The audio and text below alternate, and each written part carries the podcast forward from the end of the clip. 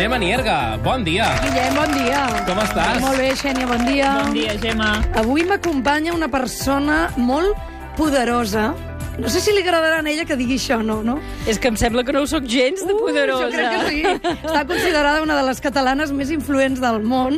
És la periodista Cristina Gallac, cap de premsa de Javier Solana durant molts anys, quan era secretari general de la OTAN, més endavant el representant de Política Exterior i Seguretat, i el 2014 Gallac va ser nomenada secretària general adjunta de les Nacions Unides. Actualment ha tornat a Europa, com ella diu, viu a Brussel·les i és consellera d'Igualtat d'Oportunitats de la Unió Europea. Cristina, molt bon dia. Hola, molt bon dia. Sí que no et consideres una persona amb poder. No, és que no en tinc gens.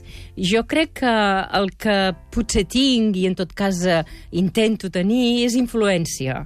Però és diferent, eh, el poder de la influència. El poder és eh, quan tu decideixes, potser després d'escoltar o no tant, i acció. Influència és quan utilitzes la teva capacitat de convicció perquè els altres facin. Eh, per tant, en el meu cas, realment, si intento tenir alguna cosa, és influència. Poder, poc. Eh, gran capacitat de convicció. En aquesta conversa anirem apuntant què cal tenir perquè aquesta periodista coneix molt de prop la gran diplomàcia mundial i ens sabràs dir eh, què es necessita per fer que grans mandataris arribin a acords. D'entrada, doncs... doncs això, no? Gran capacitat de persuadir, de convèncer... Exacte, persuadir, convèncer, eh, assegurar que els consells que reben els hi són útils, perquè si tu en dones algun i ells veuen que els hi va bé, n'escoltaran més. Clar. Per tant, eh, enfilar bé eh, on apuntes i quan has d'aconsellar doncs, el secretari general de les Nacions Unides o el secretari general de l'OTAN, eh, dir-los coses ben concretes i alhora fer-los el dibuix general que ells, que han de prendre decisions de vegades molt ràpides, de vegades en circumstàncies difícils, vegin que el que els hi aportes els hi porta a la via, al camí dels resultats que ells eh, aspiren. Cristina, he dit això de tornar a Europa perquè tu has viscut a molts països diferents. En els últims 20 anys, per exemple, en quants països has viscut? Mira, viure, viure, en el fons pocs, perquè eh, jo he passat una llarguíssima temporada a Brussel·les, a mm. Bèlgica, eh, vaig passar una temporada també llarga, però molt més breu que la de Brussel·les, a Moscou, mm -hmm. eh, on vaig treballar de corresponsal, a Nova York, on he treballat per les Nacions Unides, però eh, potser el que ha passat és que he viatjat molt, per raons de feina, sobretot quan treballàvem amb el Javier Solana i a les Nacions Unides doncs, eh, eh, ens passàvem pràcticament els dies eh, amunt i avall en zones de conflicte, en capitals on es discutia sobre els conflictes, en reun reunions diplomàtiques o en reunions de gestió de crisi. I llavors dona la sensació d'haver viscut a molts països, mm -hmm. perquè molts d'ells m'hi sentia molt, molt agafada, no? Els, el, eh, poder formar part d'esforços que han de generar una millora i prosperitat és molt apassionant. Però, en el fons, tampoc viure a tants llocs, ja ho veus, eh? Uh -huh. eh, eh la sort de Brussel·les és que doncs, totes les eh, grans organitzacions internacionals, en aquest cas la Unió Europea i la, la OTAN, doncs, hi tenen la seu, i bé, en el fons no he deixat mai tampoc de ser d'aquí eh, de ser de, de Catalunya. Cristina, aquesta setmana se'ns ha encongit al cor veient aquelles imatges de fills d'immigrants sense papers que entren als Estats Units i que els separen de les famílies i, i els deixen retinguts en gàbies, com si fossin animals. Et vull preguntar què t'han fet sentir aquestes imatges i això inevitablement ens ha de portar a parlar de Trump.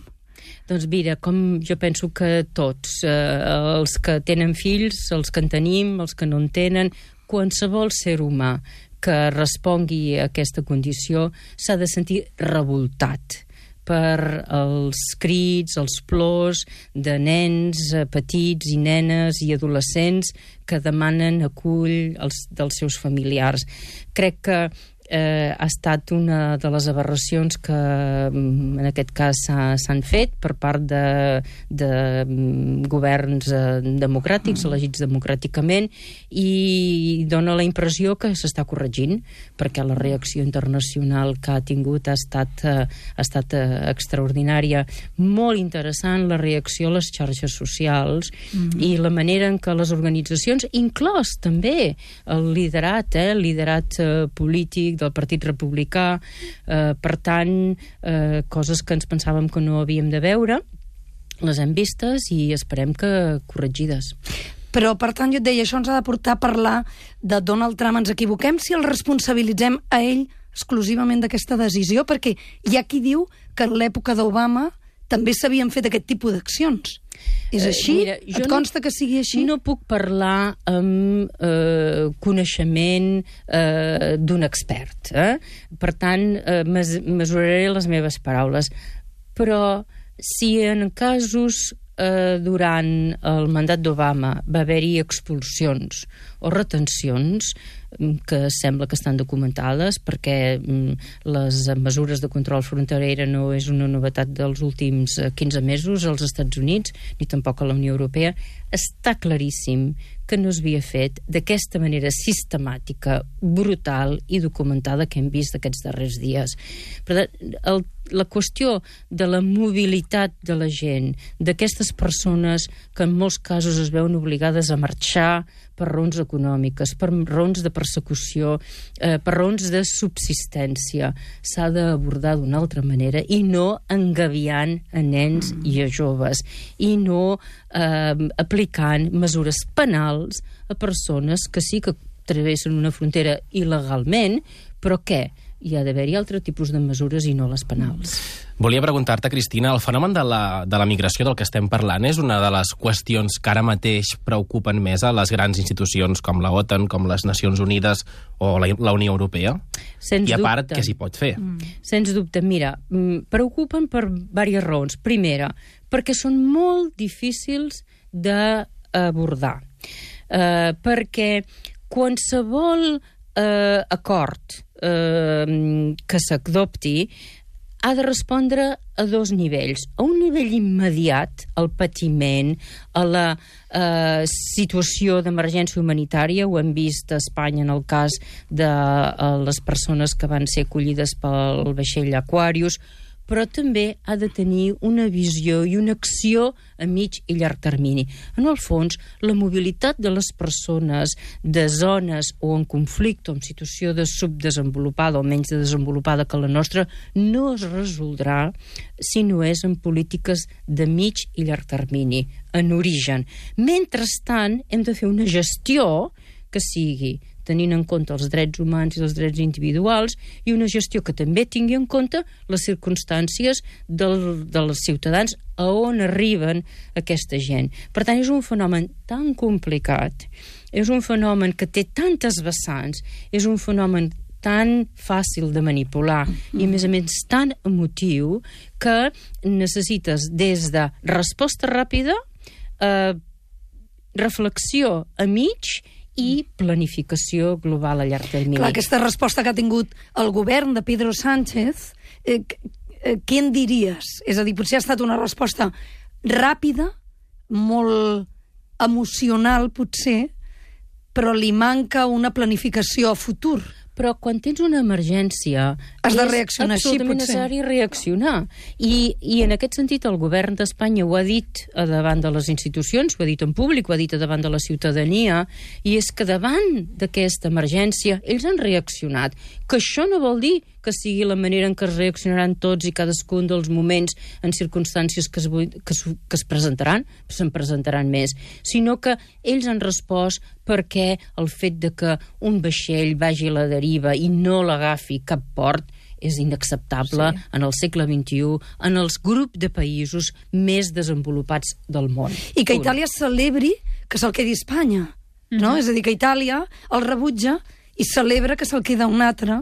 Alguna cosa falla. I Nacions Unides aquí no hi podria fer més? Mira, Cristina, és l'eterna pregunta que us fem a la gent que heu treballat allà, les no? organitzacions internacionals sempre poden fer més. Clar. I hem de començar, els que hi treballem, eh, fent mm, una, una reflexió de mm, havíem d'haver treballat més, havíem d'haver, havíem d'haver, havíem d'haver. És veritat que les organitzacions internacionals són el reflexe dels seus estats membres. Sí. I els seus líders de les organitzacions, el secretari general, el president de la Unió de les Nacions Unides, el president de la Unió Europea, poden voler fer més i han de liderar perquè els cossos de funcionaris, les agències facin més.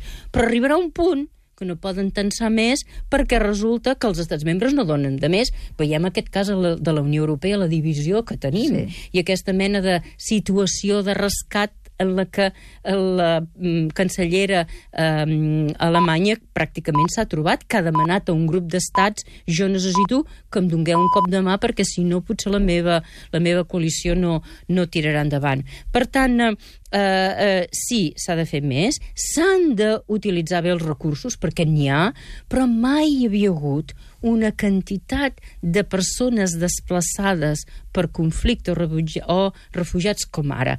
Estem parlant de 68,5 milions de persones, de les quals 20 milions són refugiats. Mai l'ACNUR, l'Agència de les Nacions Unides pels Refugiats, havia, havia tractat amb tanta gent. I, per tant, necessites més recursos. Mm. I, a més a més, sabem que estan eh, tots sortint de zones on la situació és eh, horrible. Eh, eh, això requereix eh, doncs, eh, molta determinació, en alguns casos eh, eh, fer millor les coses, eh, però també passar el missatge als nostres conciutadans que cap d'aquest tema, de cap part d'aquest tema tan complicat es resoldrà ràpidament, sinó que en el fons necessitem unes polítiques a llarg termini i necessitem que hi hagi uns processos de desenvolupament dels països que expulsen refugiats econòmics, migrants econòmics, claus, i hem de resoldre els conflictes. Clar, però Cristina, això xoca quan tu mires des del carrer amb, amb coses, petites coses que semblen fàcils, com les quotes d'acollida de refugiats que la Unió Europea es va comprometre, i veus que quan et mires les dades s'han acabat efectuant potser un 20%, en el cas espanyol han sigut unes 2.000 persones, 3.000, de les 17.000 que es van comprometre. Arriba un moment que el carrer i les institucions no s'entenen. És veritat, la decisió de repartiment de les quotes es va prendre eh, en un Consell Europeu eh, per majoria simple. Què vol dir? Que es pren la decisió, però no tothom se sent compromès en l'aplicació de la decisió, malgrat que tots sabem que quan una decisió es pren per majoria, en principi tothom l'ha de complir, i tothom alguns, no tothom, alguns han trobat moltes excuses, mm, alguns clarament dient-ho de que no les complirien, altres fent una mica amagant el cap so, sota l'ala, no? Eh, per tant, eh, ens n'hem adonat que és un dels casos en els quals doncs no hi ha hagut eh, compliment, perquè és veritat, els líders que es van estar al, al, al voltant de la taula varen trobar-se en que mm, el consens no existia, però la decisió s'adopta. S'ha de corregir aquesta decisió. Eh, és que vol dir un altre tipus de redistribució? Ho veurem, perquè tant hi haurà demà diumenge una reunió molt important a Brussel·les d'un grup de, cap, de caps d'estat i de govern, però llavors el cap de setmana següent, en el fons dijous i divendres, n'hi haurà un altre de tot el Consell Europeu. Eh, I a més a més pensem que hi ha un procés global que en diem eh, de redacció d'un pacte global per la migració que s'està discutint a nivell mundial a les Nacions Unides, que s'ha de, mm, s'ha de eh, concretar al setembre del 2019 en la reunió de l'Assemblea General de Nacions Unides. I aquest pacte global serà un pacte, hauria de ser un pacte, s'està treballant perquè sigui un pacte entre els països que reben, els occidentals, els, el que en diem del nord, tècnicament, i els que en surten. Eh, I, per tant, això voldrà dir que s'han de trebar eh, postures i que si bé eh, han marcat dins d'un procés de Nacions Unides, juntament amb l'esforç que es pugui fer eh, en, en, en la part europea, doncs eh, potser s'avançarà. Cap de les solucions és ràpida, mm -hmm. cap de les solucions és matemàtica, però eh, la ciutadania ha de veure i hem de saber transmetre que, que, que s'està treballant mm -hmm. i que hi ha compromisos. Aquest matí estem parlant amb Cristina Gallac, una dona eh, influent, no en poder, no diré allò del poder, però sí influent. I vull donar una dada teva personal. Tu vas néixer a Sant Quirze de Besora, I tant. sou de la mateixa comarca de la Xènia, Exacte. eh, de la Zona mateixa terra, De la mateixa terra. i tu durant molts anys vas ser periodista de, de trinxera, podríem dir, fins que Javier Solana es creu a la teva vida, no? I tant. Et canvia la vida, aquella perquè trobada. va ser eh, nomenat secretari general de l'OTAN el desembre del 95 i eh, ell era llavors ministre d'Exteriors i quan va arribar a Brussel·les al desembre, al gener, em va demanar si volia anar a treballar amb ell i, és clar, doncs eh, va ser un pas interessant. Vas dubtar si, si, si acceptar o no? Mira, et seré sincera, no vaig, no vaig dubtar ni un minut. No.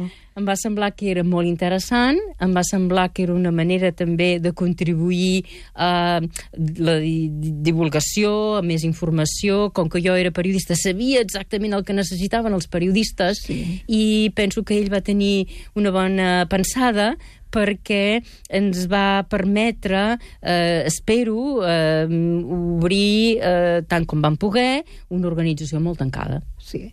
I et va permetre conèixer mandataris internacionals de tot tipus. Eh, perquè imagina't a l'època de Nacions Unides, quan en allà que hi ha 193 països amb 193 diferents governants, no? Des del més democràtic fins al més autoritari. I és molt Com es interessant... gestiona tot això, Sí, Cristina? és molt interessant això que dius, perquè el valor de tots són iguals. Sí. Eh, quan estan tots junts a l'Assemblea General, tant si és el president dels Estats Units com el president de Burkina Faso o de Mali, un països dels més pobres del planeta, el seu vot val el mateix. Sí. És veritat que hi ha un altre organisme, que és el Consell de, de Seguretat, on les forces de poder són diferents. Però aquesta universalitat de les Nacions Unides, on les discussions eh, eh, després generen en vots i on el vot de tothom val el mateix és molt important, mm -hmm. perquè significa també eh, valorar, entendre el pes de cadascú i, en el fons, tots som iguals. I eh, eh, fa que les Nacions Unides siguin realment la casa de tothom. I també tens tota la raó al voltant de la taula de les Nacions Unides hi ha líders doncs que deixen molt que desitjar des del punt de vista sí. de democràcia, des del punt de vista del que està passant als seus països um, i l'objectiu és um, treballar amb tots i aquests que estan tan escurats ajudar a les seves poblacions perquè puguin uh, millorar. Cristina, i a l'hora d'arribar a acords, eh, té un pes important la part personal, l'empatia que hi pot haver entre un líder i un altre, el cuidar eh, aquell moment de fer un cafè, d'anar a dinar... Aquestes coses que a vegades un no, no, té, no, no hi pensa, sí són importants? Mira, jo penso que molt, sobretot quan estàs en negociacions complexes. Sí. Jo això ho havia viscut molt quan amb el Javier Solana eh, vàrem haver de negociar, i ell va liderar moltes negociacions en, la zona dels Balcans, que érem dirigents amb persones que representaven eh, grups que havien estat eh, doncs, bàsicament matant, no? Sí. O totalment oposats, kosovars amb serbis, o montenegrins amb serbis, o faccions a dins d'un país, com ara Macedònia, eh, d'origen albanès uns, o d'origen eh, serbi els altres. A poder eh, aconseguir que les diferents parts confien mm. en la persona que ajudarà a superar les uh, diferències és molt important. I això s'ha de fer, eh, doncs, com dius tu, amb aquest tacte, amb aquesta relació, però també és molt important ser ferm. És a dir, eh, quan eh, s'han de dir eh, les coses eh, amb fermesa, l'altra part t'escolta i el que pots sempre intentar és dir-ho en privat, dir-ho amb discreció i a fora presentar doncs, eh, una eh, imatge molt més, eh, mm, diguem, menys conf confrontacional. Però sí que és molt important eh, en moments determinats deixar clar que el límit és el límit. Després, de fet, eh, potser des de lluny, les institucions, sobretot les Nacions Unides, la Unió Europea, ho veiem com una cosa molt formal, no? de relacions molt formals. No sé si a nivell privat realment la relació entre grans líders, entre grans líders polítics, és tan formal com aparenta o realment no, si és més informal del que nosaltres veiem? Mira, depèn molt de les personalitats. Hi ha personalitats que són...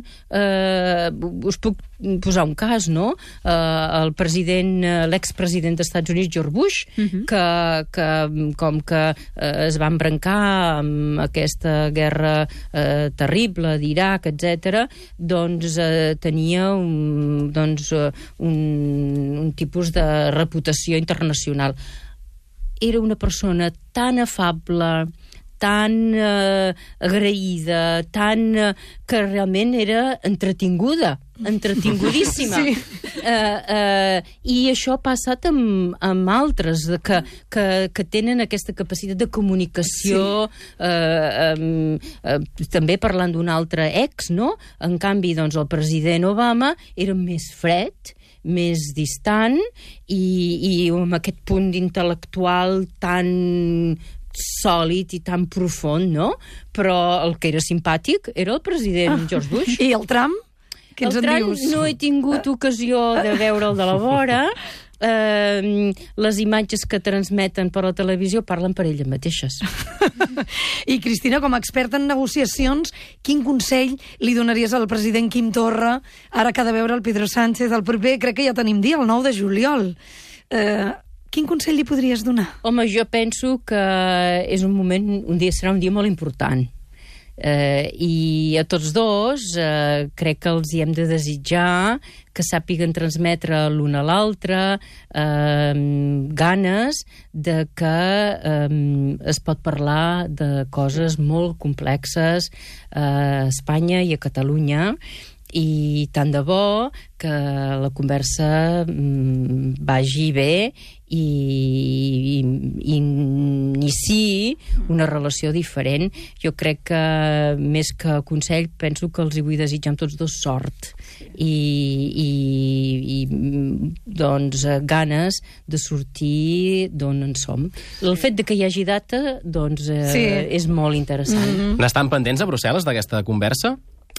Uh, en aquest moment uh, et puc dir que hi ha dos grans focus d'atenció a Brussel·les. N'hem parlat d'un d'ells, que és el tema migratori, mm -hmm. eh, molt greu, molt complicat. Pensem que hi ha governs de països molt importants de la Unió Europea que estan en situació molt difícil per aquest tema, eh, sobretot Alemanya i Itàlia hem vist el que han fet. Eh, per tant, jo diria que aquesta és una gran prioritat. I l'altre tema molt important que Brussel·les està sobre la taula és com reforcem la zona euro.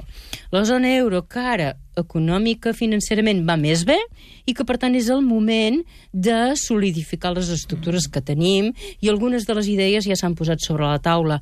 Per tant, si eh, hem de parlar d'on estan aquests dies d'una setmana abans de la, de la cimera de juny de, de la Unió Europea, que sabem que la temperatura europea es va medint per cimeres, doncs ara és una temperatura alta, amb temes molt importants, i són aquests dos que us he mencionat. No, no sé si celebraran la Rebella de Sant Joan aquesta, aquesta nit a Brussel·les. Eh, Mira, jo ara agafaré l'avió i potser encara amb una mica de sort arribaré uns quants petards a, a, a, la, a la Gran Plaça. Però sabeu que s'estan celebrant molt aquests dies a Brussel·les i, i no sé com va la, el calendari del futbol, són els èxits Clar. de, de, de la selecció. De Bèlgica. De la Sí, selecció sí. belga. Per tant, no sé si aquell dia toca partit... Eh, però hi ha una altra cosa molt interessant, és com que hi ha tantes diferents nacionalitats eh, eh, a Brussel·les sense petards eh, després de cada partit de futbol i no saps ben bé qui, però, mm. però Avui tothom juga- pot celebrar. Avui celebra. juga, avui juga Bèlgica. Doncs a veure si seran petards de Rebella o petards eh, belgues. Gemma, tu la celebres, la Rebella? Jo la celebro poc, perquè no m'agraden gaire els petards. El meu pare sí, els meus fills a mitges, Però i la celebrarem una mica. Jo m'amago. Jo aquesta nit m'amagaré. En tot cas, una bona coca. Sí, eh, això sempre. I, això, i, una, i, un, i una copeta de cava. Cristina Gallac, gràcies per acompanyar-nos al suplement. I Gemma Nierga, fins la setmana Fins la que ve. setmana que ve. Adéu, Cristina. Ha estat un plaer. Igualment. Adéu.